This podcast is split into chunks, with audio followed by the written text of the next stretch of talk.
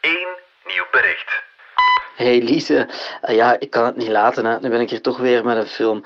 Eh, Le Le Otto Montagne van Felix van Groeningen en Charlotte van der Meers. Ze hebben die film samen gedraaid in de Italiaanse Alpen. En als je die gezien hebt, je wil gewoon meteen vertrekken.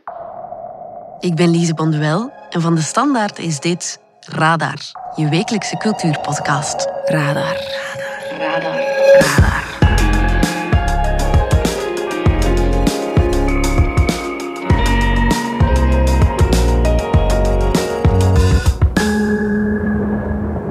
Filmmakers trekken wel al eens graag de bergen in.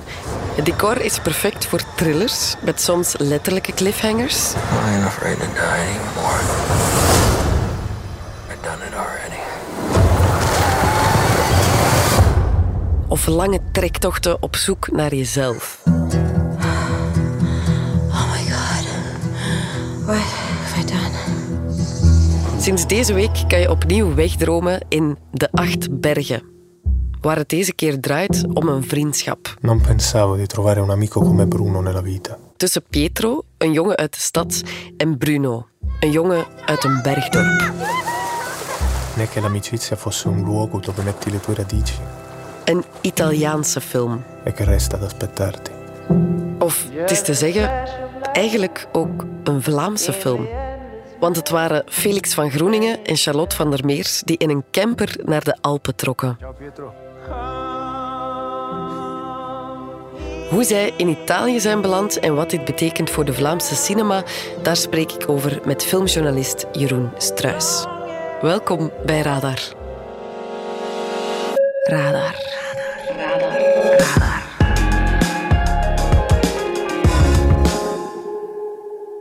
Dag Jeroen. Dag Lise. Jij was enorm benieuwd naar deze film, hè? Les Otto Montagne, oftewel De Acht Bergen. Waarom waren jouw verwachtingen zo hoog? Wel, toen ik hoorde dat Felix van Groeningen met dat boek aan de slag ging, een boek van Paolo Cognetti, eh, ja, ben ik meteen naar de boekhandel gegaan om het boek te bestellen. En eh, ja, ik ontdekte inderdaad een geweldig boek. Ik ontdekte dat, want ja, heel veel mensen hadden dat voor mij dat boek al gelezen. En Ja. het was eigenlijk best een bestseller, eh, ook bij ons in België. En eh, het is een heel mooi boek over twee mannen die elkaar als jongen leren kennen in de Italiaanse Alpen, in de Italiaanse bergen. En de ene is een echte bergjongen die opgroeit hoog in de bergen.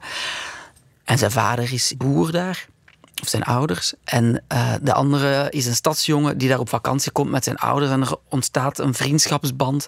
En daarover gaat dat boek. En eh, het is heel mooi en ik was heel benieuwd hoe Felix van Groeningen dat dan ging verfilmen. Ik hield een beetje mijn hart vast. En tegelijk dacht ik, ja, hij is echt de geknipte persoon om dat te doen. En waarom hield je je hart vast? Ja, omdat het natuurlijk eh, altijd het gevaar bij een boek dat jij erg Ja. goed vindt, de- ja, dan denk je, ja, een film kan het eigenlijk alleen maar verknallen, want je hebt daar zoveel bij ingebeeld. Het boek was beter. Eh, en dan zeggen mensen altijd, het boek was beter dan de film. En in deze denk ik dat beide naast elkaar kunnen staan. En eh, dat Felix van Groeningen inderdaad de geknipte figuur was om met dit boek aan de slag te gaan. Dat hij samen heeft gedaan met zijn partner Charlotte van der Meers, die al eerder ook wel met hem had Ja. gewerkt aan een scenario. En die eigenlijk met hem in lockdown is beginnen schrijven aan de verfilming van Le Otto Montagne, de Acht Bergen. Klinkt ook zo mooi, hè, in het Italiaans? In het Italiaans klinkt alles mooi, hè? Dus ze zijn samen beginnen schrijven, eigenlijk opgesloten in zo'n lockdown. En daarover vertelden ze ook toen ik hen interviewde in Cannes, toen de film daar werd voorgesteld. We zaten ook een beetje in stormy weather met elkaar. En dus, eh, ja, like iedereen gingen wij gewoon zo binnen, hè, samen aan een bureau zitten en zo, oké. Eh, we kunnen niet weg en we willen ook niet weg, maar we, gaan, we, hadden- we hadden het niet gemakkelijk met elkaar, maar we hadden een verhaal om via die levens zo gelijk te reflecteren over het leven. En ook dus over onszelf en ook over een ander. Dus dat was eigenlijk zeer mooi om zo... eh, Ook intens dan, denk ik. ja, het was super intens. Ik kan het niet zeggen, hey, maar dat was echt intens. Want wij hadden het echt wel lastig met elkaar. Dus dat was super intens. En dan heeft Felix aan de keukentafel ineens gezegd, ja, ik, heb, ik zit er eigenlijk over na te denken om, ja, zouden we dat niet samen gewoon helemaal maken? En ik had er eigenlijk helemaal niet bij stilgestaan. En ik zei gewoon, do- zo wat, ja, ik denk dat dat een goed idee is. Ja, want je zegt, je hebt hun gesproken in Cannes. Ja.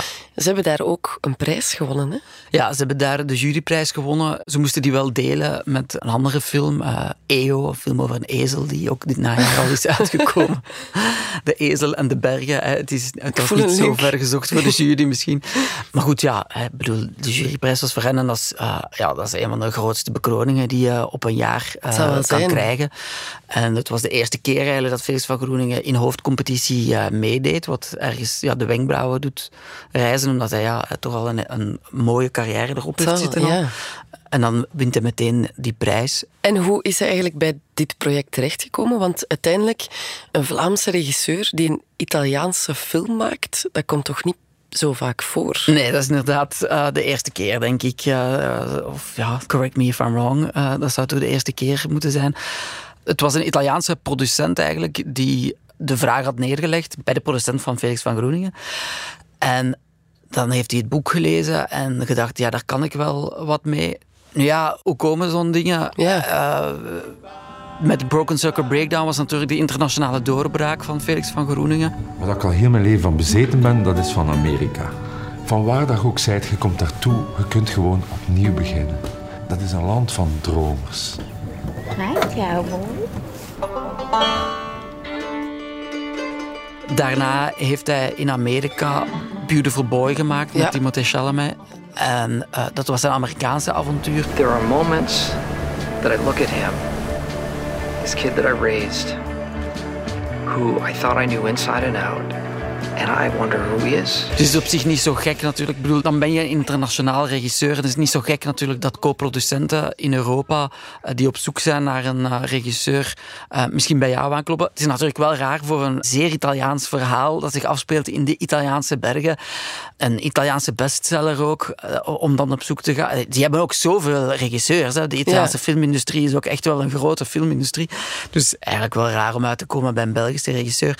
Maar toch, het is een match die klopt, omdat de cinema van, van Groeningen heel hard aansluit wel bij de thema's die in dit boek zitten. Waaronder bijvoorbeeld, dit is ook een verhaal dat heel veel tijd in beslag neemt. Het is een man die terugblikt op zijn kindertijd en je voelt emoties rijker worden naarmate de tijd verglijdt.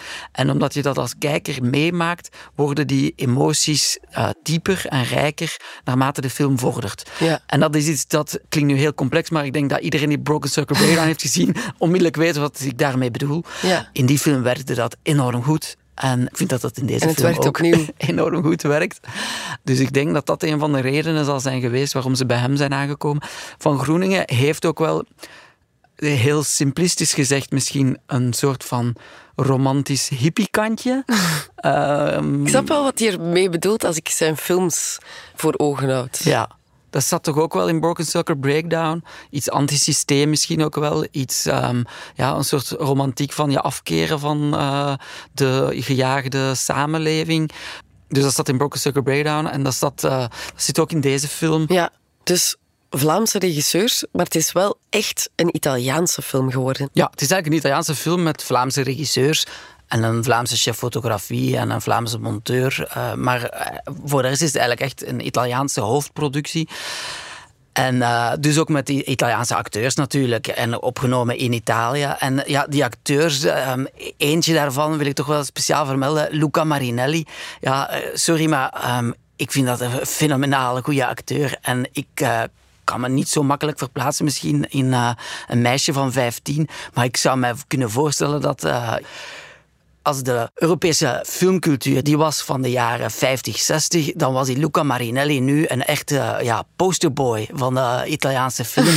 Ehm, ik heb hem ontdekt bij de film Martin Eden. Tu vorresti che io togliessi tutte le cose brutte che scrivo, che dessi una speranza. Een prachtige film uh, over een dichter. En hij speelde die. En ja, helaas heeft niemand die film gezien, maar prachtig, gewoon fenomenaal. En dat is hij in deze film uh, opnieuw. Hij speelt hier de stadsjongen Pietro. Ciao Bruno.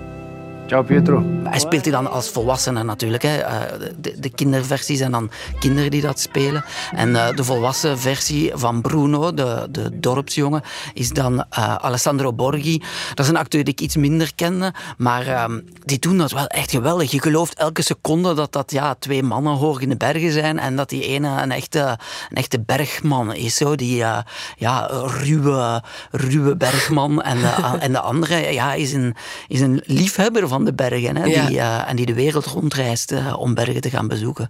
En zijn zij ook eh, groot in Italië, bekend? Wel, ze zijn niet alleen groot van gestalte. Hè. Voor Italianen zijn het best wel boomlange venten.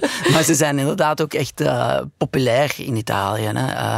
Die Borghi heeft onder andere de, de David Di Donatello-prijs gewonnen voor beste acteur. Een paar jaar geleden. Dus nee, nee, dit zijn, dit zijn grote Italiaanse acteurs. Nu, Felix van Groeningen en Charlotte van der Meer zijn niet de enige Vlamingen die internationaal doorbreken. Hè? Nee, het is iets dat we steeds vaker en vaker nu zien. En ja, de eerste waar je aan denkt, natuurlijk eh, Adil El Arbi en Bilal Fallah. Ja. Ehm, Bad Boys for Life, hè. een absolute kaskraker gemaakt. Maar eh, je ziet het ook achter de schermen. Hè. Bijvoorbeeld hun chef fotografie, Ruben Impes, Mhm. hè, die is ook na Broken Circle Breakdown, dat was voor hem ook de internationale doorbraak. Je ziet daarin hè, dat zo één film een, ja, voor verschillende mensen een vliegwiel kan zijn. Ja. Hij heeft bijvoorbeeld de fotografie gedaan voor eh, Titan, die de, de Gouden Palm won, hè, een Franse film.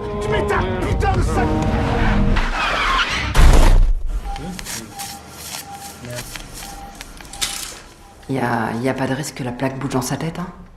Non, c'est très solide. hein. C'est en titane. Ja, die fotografie is een van de strafste dingen aan die film eigenlijk. Of eh, als je Ja. aan die film denkt, zie je ook meteen weer die kleuren van die, van Ja. die film voor je. En eh, ja, Nico Leune bijvoorbeeld, die deze film gemonteerd heeft, die de Acht Bergen gemonteerd heeft, die heeft ook het regiedebuut van Ryan Gosling al enkele jaren geleden ge- Ah, ja. gemonteerd. Hè.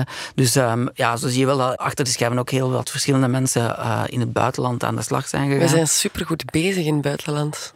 Ja, toch wel. En dat heeft ook te maken met de opleidingen eh, die, die vruchten afwerpen. Met het Vlaams Audiovisueel Fonds dat echt geïnvesteerd heeft. Hè. Daarin zie je dat ja, subsidies Ja. zijn eigenlijk investeringen die ook renderen. en Die een Vlaamse filmindustrie hebben gebouwd en heel veel werk hebben gegeven aan heel veel mensen.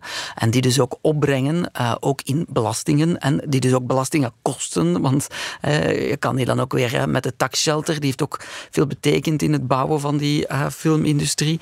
En eh, ja, ik heb Felix van Groeningen er ook in Cannes naar gevraagd, naar eh, wat hij zag als mogelijke oorzaken ook voor die groei van de Vlaamse film. Ik weet nog dat met de helaasheid ook was, zo, was dromen van we kunnen ook in het buitenland en we kunnen, dat kan ook internationaler en ook eh, een publieksfilm zijn in, in België.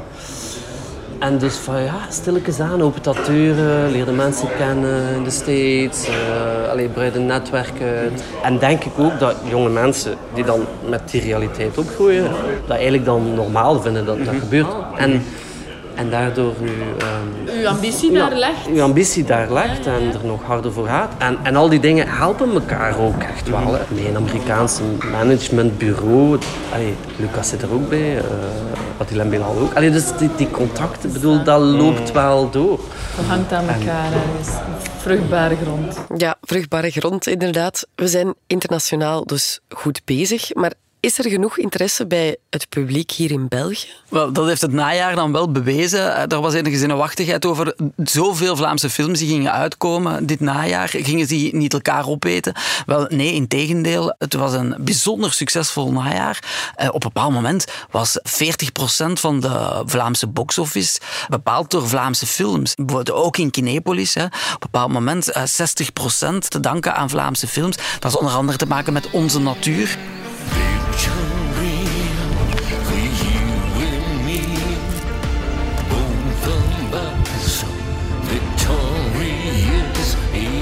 Een natuurdocumentaire die het verrassend goed deed.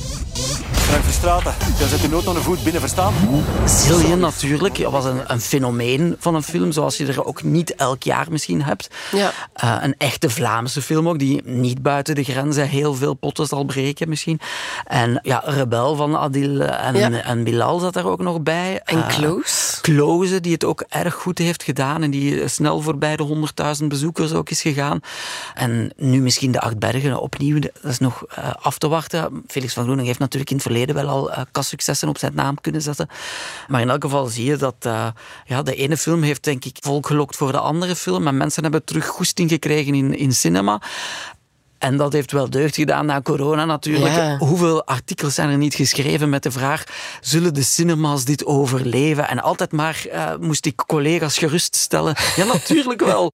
Cinemas hebben tv overleefd, cinemas hebben eh, VHS overleefd, cinemas hebben de DVD overleefd, cinemas gaan de streaming overleven. En ja, cinemas hebben ook die eh, hik van de corona, hè, het zal een hik zijn in de filmgeschiedenis, hebben ze ook verteerd. En voor sommigen was het dan anderen. Maar eh, je ziet wel dat de zin voor mensen om samen uit te gaan en samen naar een film te gaan kijken niet verminderd is, wel in tegendeel. En eh, de lokale film speelt daar een belangrijke rol in. Dat is iets dat we zien in heel Europa.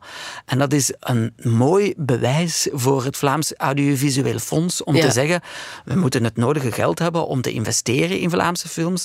Want ja, daar komen mensen naartoe. Ja, daar is een honger voor. En ja, die ondersteunen ook onze bioscopen, waaronder Kinepolis.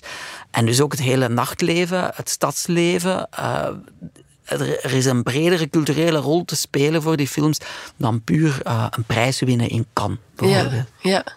En dus Felix van Groeningen en Charlotte van der Meers zijn dan ook effectief naar Italië getrokken, hè, naar de bergen. Ja, met een campervan zijn ze vertrokken en maanden gaan wonen. eh, Nog meer hippie Nog lifestyle. Een beetje hippie, ja, absoluut. Met hun zoontje, eh, hoog in de bergen daar. Eh, ja, dat is toch 4000 meter hoog. Ja, kei tof. Ja, kei tof, maar ook wel een uitdaging om een film daar te gaan opnemen. Ja. Hè? Met al het materiaal en met een grote crew.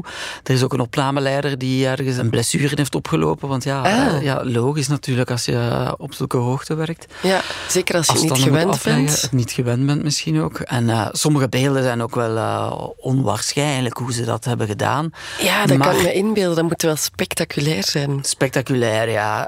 Ruben Impens is de chef fotografie, Ja. die ook al van in het begin met Felix van Groeningen samenwerkte. En eh, ja, van sommige beelden vraag je gewoon af hoe het in godsnaam is gelukt. Eh, een, een vader en zoon die hoog in de bergen op een klif lopen. En, en ja, sommige beelden zijn met drone en andere met helikopter. Oef. Ja, indrukwekkend in elk geval. Daar staat wel tegenover dat ze iets heel speciaals hebben gedaan. En dat is dat ze hebben gekozen om de hele film op te nemen in een vierkant formaat eigenlijk. Een soort van ja, 4-3 formaat. En dat is tegenintuïtief, omdat je natuurlijk als je naar de bergen gaat, dan ga je vanzelf je telefoon al horizontaal houden om foto's te nemen. panorama Je moet beelden. een panoramisch beeld nemen. Hè. Ehm, en, eh, en dan denk je, ja, daar leent het bioscoopscherm zich uitermate goed toe. Het horizontale bioscoopscherm. Dus ze kiezen ervoor voor dat niet te doen, voor een vierkant beeld. Wat doorgaans in film gebruikt wordt voor intieme scènes, dialoogscènes of, of eh, ja, een beklemmend gevoel te geven. Ik denk dat het in deze film heel goed werkt, omdat het verhindert dat het landschap met alle aandacht gaat lopen. Ja. En omdat het ook tegen die romantiek van de bergen ingaat, misschien wel. En dat is ook een thema van de film. eh, Die gaat over, ja, maar zo mooi is het ook niet allemaal. Het lijkt, voor een toerist lijkt het allemaal prachtig en adembenemend. Maar om er te wonen en je brood te verdienen als boer, dat is nog wel wat andere kost. En ja, ik vind dat de visueel dit ook wel eh, zo naar uiting komt. Om- omdat Ja. je dat romantische beeld eh, tegengaat op die manier. Ja. En je ja, ook echt de aandacht van de kijker ook wel trekt naar de personen, naar de dialogen dan op die manier. Ja, alsof je op hun schouder meevolgt. Ja, Ja. Ja, dat formaat dat doet mij ook wel denken aan zo van die Polaroids. Ja, zo ja, heel nostalgisch. Ja, eh. ja, en dat is ook wel een effect dat het hier heeft. Hè. Een nostalgisch effect. En ja, het gaat ook wel over een verloren tijd ergens. Eh, het gaat ook over de leegloop van het Italiaanse platteland zit er ook in. Hè. Die bergdorpen die leeglopen, waar eerst honderden mensen wonen en nu een tiental. Dus, dus daar gaat het ook. En die nostalgie zit ook eh, vervat in dat beeld. En tegelijk is het ook, ja, in dat vierkant probeert hij die personages te vatten, eh, dat verhaal te vatten. Net zoals de hoofdfiguur eigenlijk, die bergjongen, probeert te vatten in een beperkend kader van jij bent die bergjongen en jij moet altijd in die bergen blijven wonen. Dat is ook een van de thema's die in die film zit. Hoe dat wij ja, misschien geneigd zijn andere mensen ook in een, in een bepaald een hoekje hokje te duwen, in een hokje te duwen. En dat doet deze film letterlijk, Ah, in, het, letterlijk. in het beeld. Ja, want die traditionele manier van leven wordt dan ook verpersoonlijkt in dat leven van die jongen. Ja, dus je hebt die stadsjongen die heen en weer gaat tussen stad en bergdorp en die ook meteen weer kan vertrekken. Hè? Die dat compleet idealiseert en romantiseert, dat mooie leven in de bergen. En dan heb je de, de bergjongen die daar opgroeit, voor wie het helemaal niet pure romantiek is natuurlijk. En die zich misschien ook opgesloten voelt daar.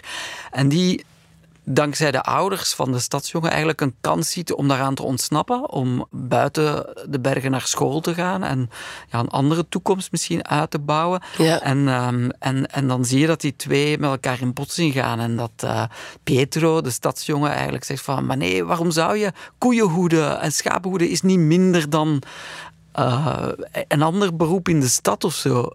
Eh, ja, voor hem, voor hem is dat zo, ja. Eh, hij bekijkt dat door die romantische bril. Want hij wil wegvluchten van de stad misschien. Voor hem is die, zijn die bergen een vlucht Ja. uit, de, uit de stad, inderdaad. Ja. Het idyllische, romantische beeld van Ja. eh, Ja. in de bergtoppen te zitten. Ja. Ja, je zei al, het is ook een heel trage film. Hij duurt in totaal twee uur en een half.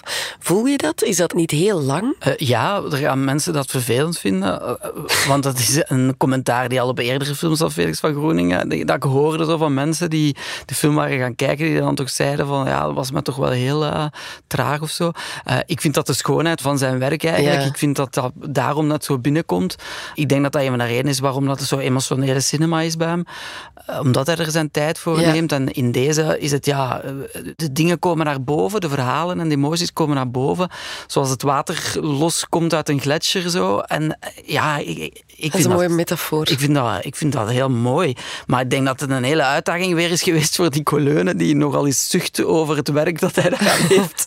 om dat allemaal te monteren. Hè. Eh, Felix van Groeningen is iemand die heel veel opneemt. Eh, dat zal in dit geval met Charlotte van der Meers waarschijnlijk ook wel zo geweest zijn. En dan Nicoleunen moet dat dan ja, monteren, tot een, samen met hen natuurlijk, tot, eh, tot iets dat je wel meesleept. En voor mij duurt dat geen seconde te traag of zo. Eh, en, en ja, ik vind dat de kracht van, van deze film. Ja, en als je niet genoeg van kan krijgen, dan... eh, Dan mag ja, het blijven duren. Ik kan in die bergen blijven, blijven rondwandelen. En ik, ik ben zo iemand die dan ook na dat boek en maar na die film opnieuw, ik wil daar naartoe dan. Ik wil daar naar op reis. En tegelijk is er natuurlijk, waar deze film je bij doet stilstaan, ja, maar eigenlijk, van waar dat romantische idee dat het daar dan beter zou zijn dan waar ik nu ben. En, eh, en, en we gaan daar dan die natuur kapot maken eigenlijk, door als we daar allemaal massaal naartoe gaan. Dus dat zijn allemaal dingen die zowel het boek als de film oproepen.